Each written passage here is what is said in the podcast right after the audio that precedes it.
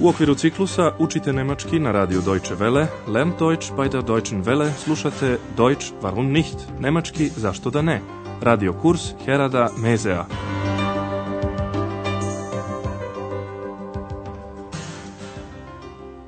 Liebe Hörerinnen und Hörer, Dragi slušalci, danas ćete iz naše druge serije slušati drugu lekciju pod naslovom Was kann ich für Sie tun? Šta mogu da učinim za vas? Na recepciji hotela Europa je portir Andreas. Jutro je kao gotovo i svako drugo. Nekoliko gostiju plaća račune, neki imaju neku molbu, neki postavljaju pitanja, na primjer kako da stignu u određene delove grada. Sada ćete čuti tri scene. U prvoj se Andreasu obraća jedan mladi hotelski gost. Vi treba da otkrijete za šta se on raspituje. Guten Morgen. Gibt es hier ein Telefon? aber natürlich. Kann ich mal telefonieren? Gern. Das Telefon ist hier. Hier bitte. Danke. Zwei, fünf, eins, neun, vier.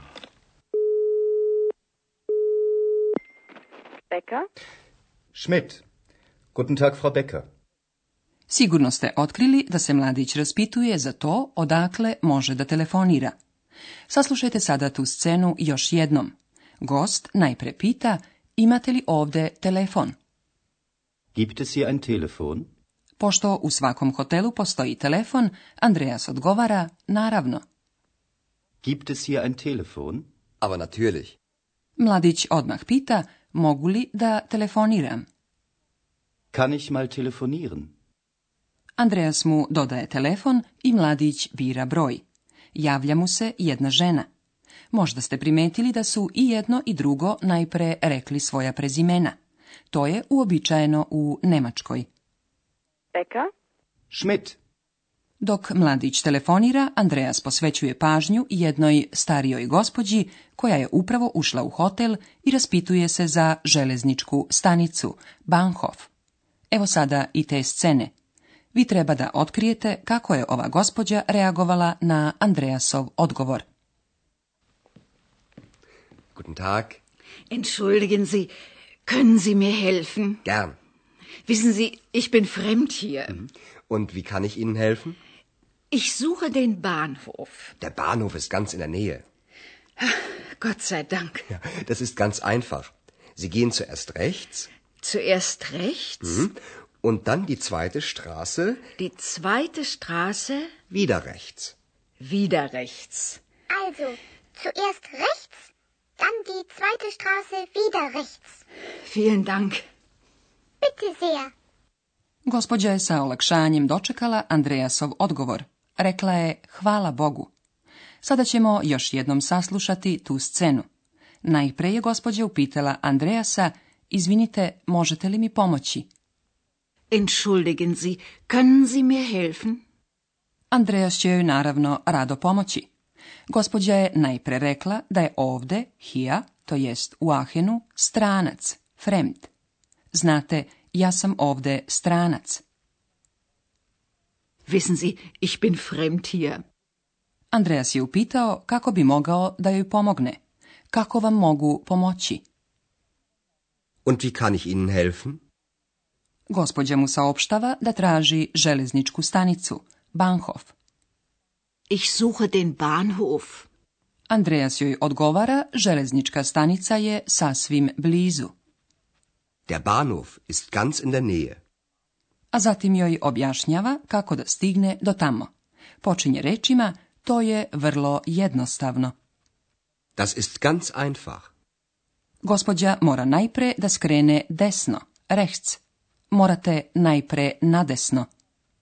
Sie gehen zuerst rechts Zatim treba da ide do druge ulice, štrase.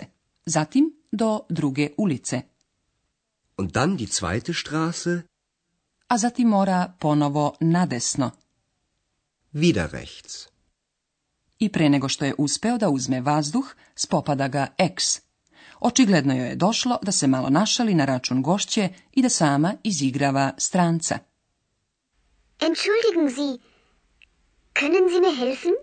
Aber gern, gnädige Frau. Wissen Sie, ich bin fremd hier. Was kann ich für Sie tun? Ich suche Freunde. Ach so. Gehen Sie zuerst links, dann rechts, dann wieder links, dann immer geradeaus. Geradeaus. Geradeaus.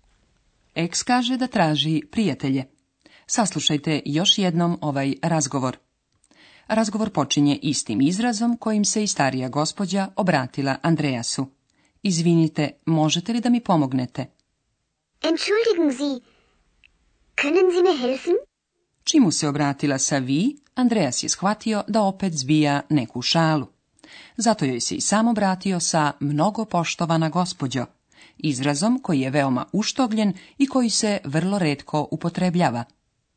Aber gern, gnädige Frau. Andreas isto tako učtiv pita šta mogu da učinim za vas. Was kann ich für Sie tun? Ex na to kaže tražim prijatelje. Ich suche Freunde. Ko bi sada znao da joj pokaže pravi put do prijatelja? Zato joj Andreas opisuje dug put. Najpre levo, pa desno, pa onda stalno pravo, gerade aus.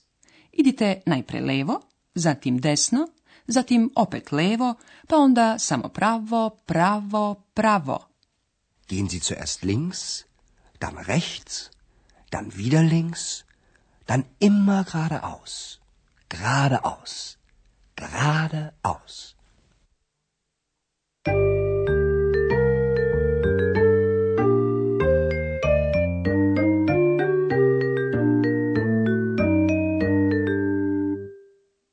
Doduše, niko ni ne zna koji bi put tu mogao da bude pravi.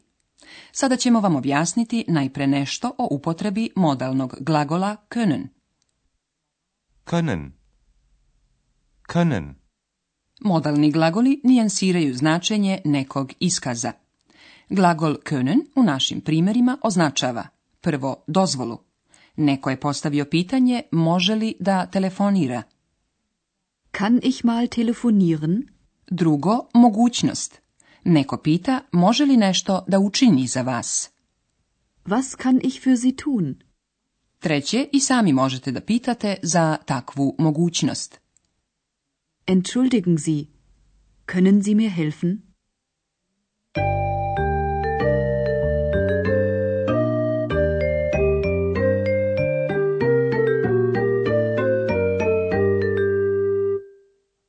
Za kraj još jednom saslušajte sve tri scene. Opustite se i pažljivo slušajte.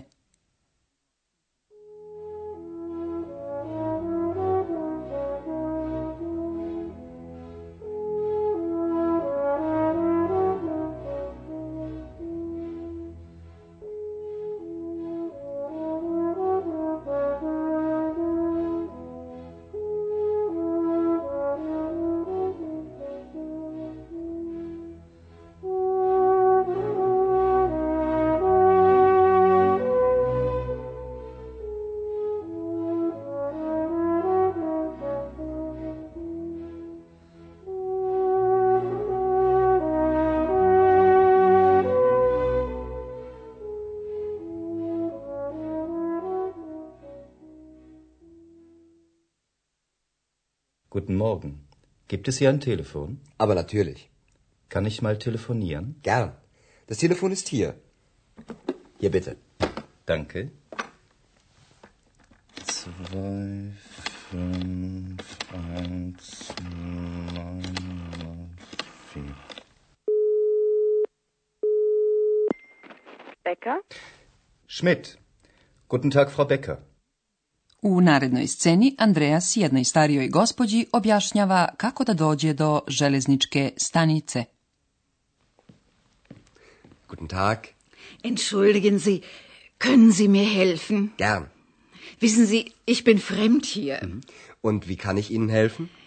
Ich suche den Bahnhof. Der Bahnhof ist ganz in der Nähe.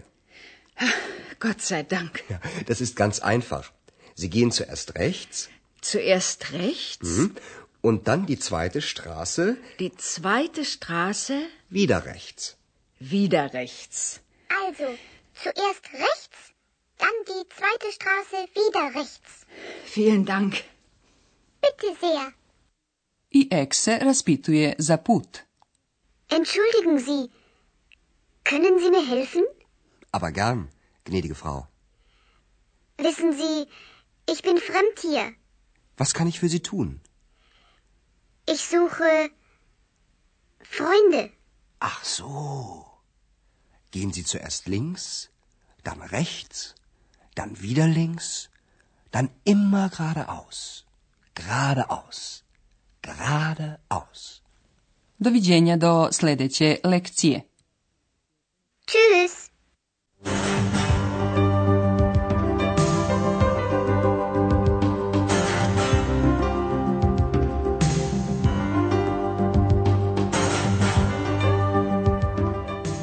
Slušali ste radio kurs Deutsch warum nicht u produkciji Radija Deutsche Welle u saradnji sa Goetheovim institutom u Minhenu.